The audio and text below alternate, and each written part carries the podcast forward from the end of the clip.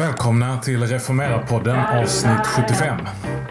Jag som sitter här som vanligt heter Magnus Persson. Jag är präst och arbetar som inspiratör och med ansvar för samverkan mellan EFS och Svenska kyrkan utifrån EFS Sverigeavdelning och du lyssnar nu alltså på Reformera-podden. Förra veckan var en intensiv vecka då vi hade glädjen att vara runt och ha våra fortbildningsdagar som går under benämningen Mission i Sverige. Vi var i Uppsala, vi var i Piteå och vi var i Göteborg. Och det är en fantastisk förmån att få träffa så många medarbetare och präster i vår kyrka från nord till syd, från väst till öst och, eh, och, och prata kyrka och i det här fallet så pratade vi väldigt mycket om och hade fortbildning i frågorna om hur vi kan ha ett utrustande ledarskap och se hela Kristi kropp i funktion. Varje lem, alltså de, kroppens olika lemmar, det som vi ofta kallar med olika begrepp volontärer, ideella medlemmar, lekfolket.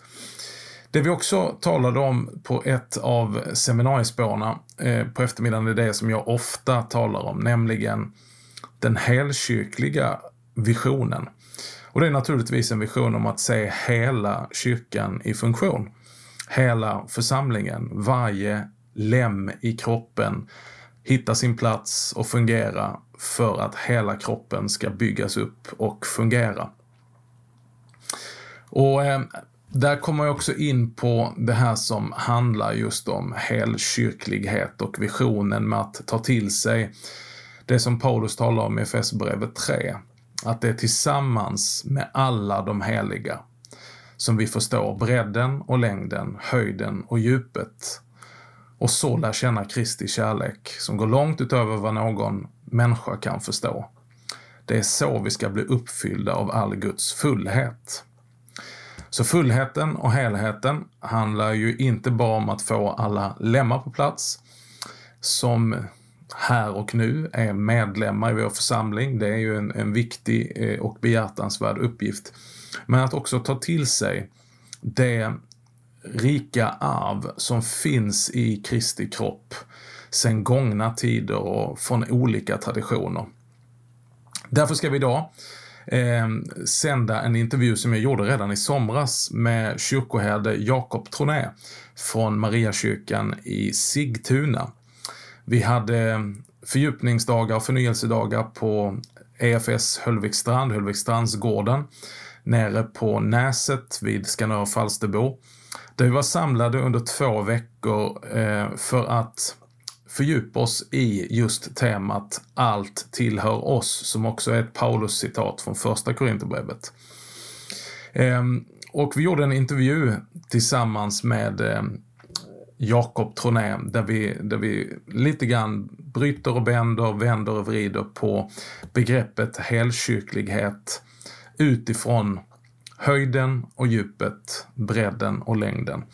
Och den är väl värd att lyssna till och, och ehm, ja, ta in de här perspektiven som jag tycker att Jakob verkligen eh, är en god eh, ambassadör för. Så ta till dig intervjun som är inspelad utomhus, en strålande sommardag, nere på eh, Guldkusten vid Höllvikstrand. Ehm, så ta till dig intervjun och tack ska du ha för att du lyssnar på oss och hänger med oss i Reformera-podden idag.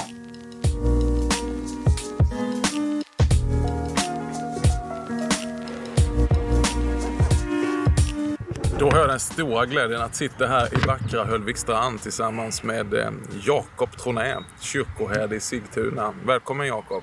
Tack så mycket Magnus! Nu har du varit med på våra förnyelse och fördjupningsdagar här på Höllvikstrand som är en EFS-gård i samarbete med eh, EFS Sverigeavdelning och eh, tankesmedjan Reformera och vi har talat om helkyrklighet. Innan vi går in på det, berätta din upplevelse här nu. Höllvikstrand har du inte varit på innan. Vad är din upplevelse? Alltså jag har ju passerat förbi här någon gång tidigare. Jag, har ju, jag är ju lite norrifrån, jag har inte varit så mycket i Skåne men eh, för ett par år sedan hade jag anledning att vara en del i Skåne och jag är väldigt förtjust i mycket som finns här. Och det här med, med Höllvikstrand och Ljunghusen och Skanör och Falsterbo. Det är ju bland de allra finaste platserna man kan vara på. Så, att, så jag har liksom anat att det finns. Så att när jag blev inbjuden så var också platsen att få vara ett, ett stort skäl att tacka ja. Du, skulle man kunna rekommendera andra präster att komma hit och lägga en vecka på Höllvikstrand? Ja men, ja, men, ja, men absolut. Alltså, eh, jag har fått förmånen att, att vara här och få dela lite tankar och vara med i bönelivet här. Och, och så har jag fått ett, ett, ett härligt liten stuga att bo i och så, så är det ju väldigt, eh, väldigt vackert här. Och vandrar varje morgon, här, eller inte varje morgon, men många morgnar har jag vandrat ner till havet och det är en underbar sandstrand. Och, så att, nej alltså, e, e, den press som erbjuds att vara här eh, får en härlig plats att vara på. Men mer är ju också att här händer någonting. Här finns en vision och en tanke att man vill bygga någonting.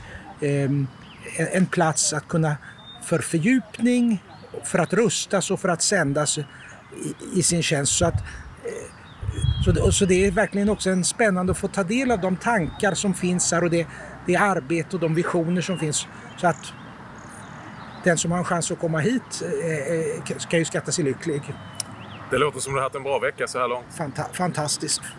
Vi är tacksamma över vad du har bidragit med Jakob och det har varit fint att få ha morgonbön och mäss, daglig mässa och eh, vi har ju stannat upp inför det här begreppet som vi använder, helkyrklighet, och du har precis undervisat utifrån Efesierbrevet 3 och tänkte att vi skulle gräva lite i det om just de här begreppen tillsammans med alla de heliga så kan vi förstå, utforska och ta till oss höjden och djupet, bredden och längden. Om vi eh, använder dem som lite eh, billigt talat, så berätta vad du tänker när du tänker på höjden. Ja, det är ju eh, alla de här fyra sakerna är sånt som vi tillsammans med alla de heliga, tillsammans med kyrkan över hela världen och i alla tider får försöka förstå någonting om.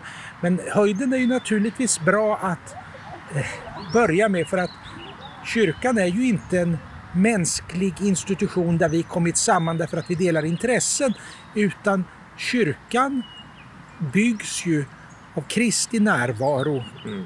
och att i världen och att i Kristus finns den gudomliga fullheten och, att, och den finns hos Kristus som är Guds son av evighet som tagit mänsklig gestalt.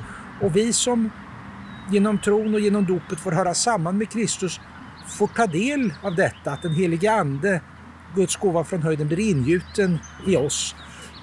Om vi ska ta ner det på ett väldigt, väldigt praktiskt plan. Om vi tänker nu att helkyrklighet för lite så här representera när kyrkan söker förnyelse och fullheten i Kristus. Vad kan det då praktiskt innebära att ännu mer fånga höjden? Det tänker jag är, är att, så att säga, se var, var finns det ett löfte om att Gud ger sin nåd. Det som kom, att det inte handlar så mycket om våra egna ansträngningar. Där är ju naturligtvis att leva av Guds ord. Men också, jag menar från den, den tradition som jag kommer i naturligtvis, att lyfta fram sakramenten. Mm. Eh, att det är dopet som gör oss till Guds barn. I nattvarden så övar vi oss i en ständig livsgemenskap med Kristus. Vi har möjligheten att, att få personligt oss tillsäga syndernas förlåtelse. Det har vi både i mässan men även i i, i bikten tror jag är någonting också att lyfta fram att här finns kanaler där nåd strömmar ner från himlen och vi får förvalta dem. Just det. Finns det risk att vi på olika sätt och vis eh, mycket i kyrkan idag rör oss bara på ett eh, skapelseplan och ett allmänmänskligt plan där vi har lite täppt till perspektivet att det kommer till oss Guds liv givet från en annan värld. Rakt in i vår värld. Har man förminskat den dimensionen? Det är väl alltid en sorts risk med det.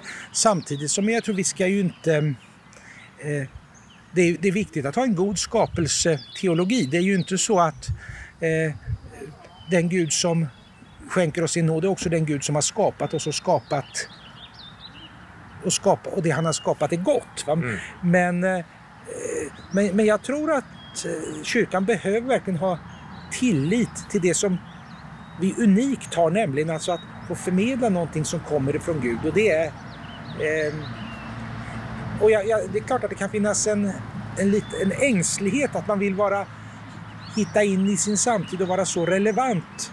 Men att faktiskt på ett enkelt sätt peka på detta att Guds eget liv strömmar mot oss och gör det genom kyrkans sakrament. Så att, eh, mm. ja, så tänker jag. Ja, men jag håller med. Eh, om vi går in då på det här med, med skapelseteologi. Du talade väldigt fint om att också djupet. Vad mm. ser du i det perspektivet? Då, då rör vi oss lite mer eh, bland materia och i skapelsens goda gåva. Ja, alltså vi, vi, ser det ju som utgångspunkt i att Gud blir människa i Jesus Kristus. Och att alltså, inkarnationen det är ju inte en sorts vad heter pedagogiskt tricks att Gud klär ut oss lite grann så vi kan höra med våra öron. Utan faktiskt att Gud i sin son har så solidariserat sig med allt vad det är att vara människa. Han har blivit oss lik i allt. Och därför finns det så hög värdering av det mänskliga livet. Och därför så kan vi, måste vi alltid tänka högt om att vara människa. Vad det är att leva, vad det är att ta ansvar. Och sen tror jag också att liksom Guds eviga ord blir inkarnerad i, som Jesus Kristus född av Maria så, är, så, så måste också kyrkan landa i, i det djupt mänskliga i, och på olika i sin kultur eh, det, och i, i, i, de, i de mänskliga uttrycken. Mm. Eh, och det, det, tror jag på något sätt också är en sak att ha med sig när vi mm. tänker kyrka. Mm. Eh, jag brukar när jag talar om de här begreppen eh, tala om rymlighet. Det vill säga att kyrkan måste vara rymlig för att också, som vi talade om innan, ta emot det som kommer från höjden, det som finns bortanför oss och kommer ifrån Gud ner till oss. Men lika mycket skapa utrymme för att faktiskt vara det här komplicerade som innebär att vara människa. Ja. Med, med allt vad det innebär. Och där tror jag att alltså det är ju en sorts utmaning vilka vilka människor når, hur, hur, hur hittar vi in i vår samtidskultur, i människor i olika åldrar. Och där, och där tror jag kyrkan behöver en betydligt större järvhet men, men också en sorts saklighet att, mm. att lite grann gå utanför hur man kan mm. ha tänkt och så tidigare. Och det är väl det här som är intressant med, med, med ett helkyrkligt perspektiv som också på ett sätt blir, blir, blir ett helhetsperspektiv. Att se eh, ja, om vi tänker på, på, på kyrkans tro och de tre artiklarna, att det, det är Fadern med försynen och, skapelsen och sen är det Sonen med försoningen och så har du Anden som är den helgande, förvandlande, förnyade. Mm, mm. Att inte ställa de här emot varandra. För att det finns ju många som kan bli tilltalade av det här med djupet, det materiella, det mänskliga, mm. det vardagliga. Och så känns det trösterikt att få höra det och så stänger man bort det här andra perspektivet om höjden. Mm. Och sen har vi de som gärna, ja, vi använder olika ord, kan bli, man kan bli både oandlig och överandlig och bara röra sig i höjden. Mm. Hur knyter man ihop det här? Det knyts naturligtvis ihop i Kristus i inkarnationen. Men, men vad är din tanke om kyrkoliv? Ja, vad är min tanke om kyrkoliv? Ser du den här risken att vi kan... Det finns de här dikena som vi kan köra är att det blir antingen oandligt och väldigt mellanmänskligt eller så blir det väldigt överandligt. Vad kan man göra för att binda ihop de här? Alltså, vad, vad, jag, vad jag tror det handlar om väldigt mycket det är ju att, tänk, att inse att kyrkoliv, att kyrkans liv är inte de av anställda arrangerade aktiviteterna i församlingshemmet. Mm. Utan det är när kristna människor lever sitt liv i världen. Mm. I, familj, i äktenskap, i sitt arbete, i olika typer av arrangemang. Va? Att, eh, att kyrka, när vi säger att kyrkans röst måste höras i samhället, det är ju inte att människor i rundkragar ska springa runt och uttala sig i alla dagsfrågor där man ju faktiskt kan ha olika politiska uppfattningar. Utan det är när kristna människor lever i världen och, och har sina uppgifter där.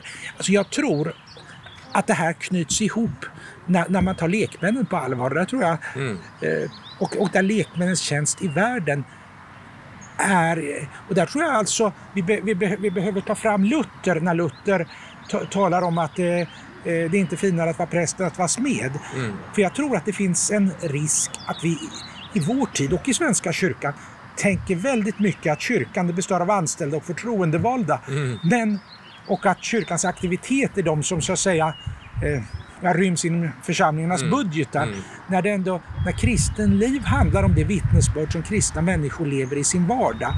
Mm. Eh, och, och, och där, därför tror jag att alltså, alltså det, det, det, är inte så att vi präster är oviktiga men vi, i, i Guds rikes krig så är vi inte vi generalstaben utan snarare trossen mm. som, som plåstrar om och kokar ärtsoppa. Mm. Och därför tänker jag att den goda, det goda tillvaratagandet av,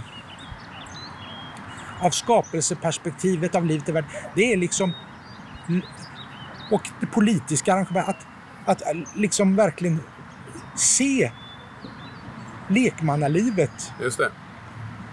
Och så också eh, blir kyrkan inkarnatorisk, det vill ja. säga också utanför kyrkans väggar. Jag tycker om den här parafrasöversättningen av Johannes 1 och 14 som säger att ordet blev människa och tabernaklade i vårt kvarter. Mm. För att betona att eh, här kommer himlen som landar på jorden. Mm. Mm. Men inte bara genom sakramenten utan vi som är mottagare av sakramenten blir ju också per definition bärare av Kristi liv ut i vår vardagliga uppgift. Och, ja, och, där, och därför är det ju på något sätt just att Kristi kropp syftar naturligtvis på Jesu Kristus, den kropp han, han mottagit av när, han, när han föddes av sin mor, men också Kristi kropp i, i nattvarden, men också, och kanske med Kristi kropp så som Kristi kyrka som, som, som, rör sig. Så att överallt där där en kristen människa är, där är kyrkan. Just det, lemmarna och ja. läckmännen. Ja.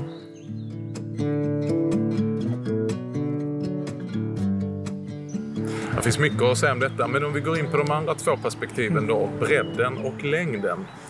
Eh, vad skulle du säga, vill du utveckla det du, du talar om med bredden?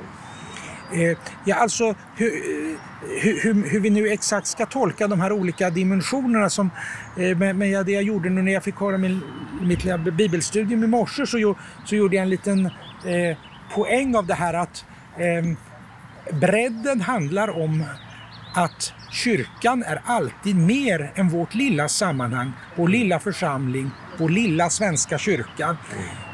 Utan vi lever i en världsvid gemenskap med många olika uttryck och att detta är helheten av Kristi kropp. Vi kan mm. inte begränsa det till det utan därför måste vi ha vi, må, vi måste tänka lite större mm. och inte församlings eller samfundsinskränkt. Mm. Och, som jag tror det kan finnas risker för. Så det tänkte jag om bredden. Och så tänkte jag om eh, längden i sammanhanget att det handlar om historien. Mm. Att Kristi kropp är inte heller bara ett samtidsfenomen utan det är hela den kristna historien. Mm. Vilka av kyrkans historiska rikedomar tycker du har blivit för, förbisedda i, i vår tid?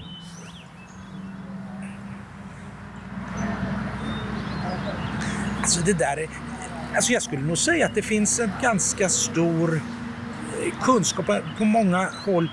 Där, där tror jag på något sätt, jag tror inte minst, här tror jag väldigt mycket på lekmän. Om du besöker en, en kristen lekman och kollar alltså den del av bokhyllan som har med andlig litteratur, så är den ju sällan låst till liksom eh, biskopsbrev tryckta eh, efter år 2000 mm.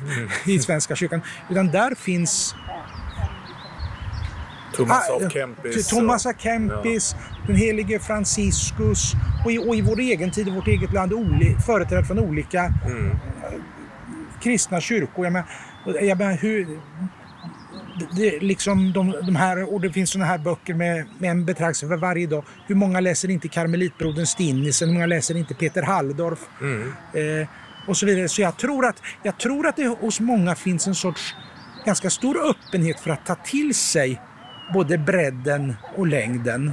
Det är ju en spännande spaning du, du, du nämner här faktiskt. Det har jag aldrig tänkt på. att Kanske ett av de tydligaste fingervisningarna om helkyrklighet går alltså att finna i lekmännens bokhyllor. Ja, alltså, nej, nej, jag, jag, jag, tror man behöver intressera sig rätt mycket för, för, för lekmän att lyssna till. Vad är det som bygger upp deras kristenliv? Var hittar de mm. inspiration? Mm. Och där tror jag det finns en, att det finns en stor öppenhet. Och där finns det inte en så stor, eh, en sådär väldigt så ängslighet vad, vad tillhör det här samfundet eller mm. utan man söker efter det som fungerar och det som hjälper. Mm. Och eh, erfarenhet är att man kan hitta det som fungerar och det som hjälper också på lite olika håll. Både i historien och i den ekumeniska... Vi kan alltså med andra ord, eh, jag tyckte det var en spännande spaning, att i bokhyllan hos vanliga lekmän så kan alltså pingstvännen Thomas Sjödin samsas med både kyrkofäder och eh, karismatiska kanske profiler såväl som biskopar från vår samtid. Det tyckte jag var en spännande spaning. Mm.